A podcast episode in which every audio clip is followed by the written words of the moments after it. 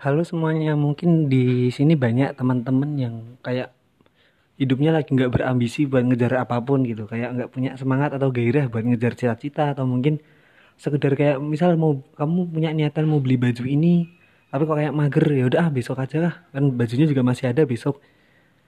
Eh, sebenarnya itu karena kalian kurang memaksa diri kalian untuk keluar dari zona kalian.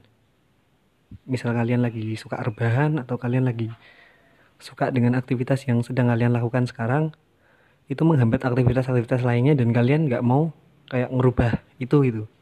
Kayak ya udahlah ya kayak kalian gitu. Sebenarnya nggak apa-apa. Cuman ketika kalian menginginkan sesuatu akan susah tercapai kalau sifat nggak ambisius itu eh, nggak hilang dari tubuh kalian.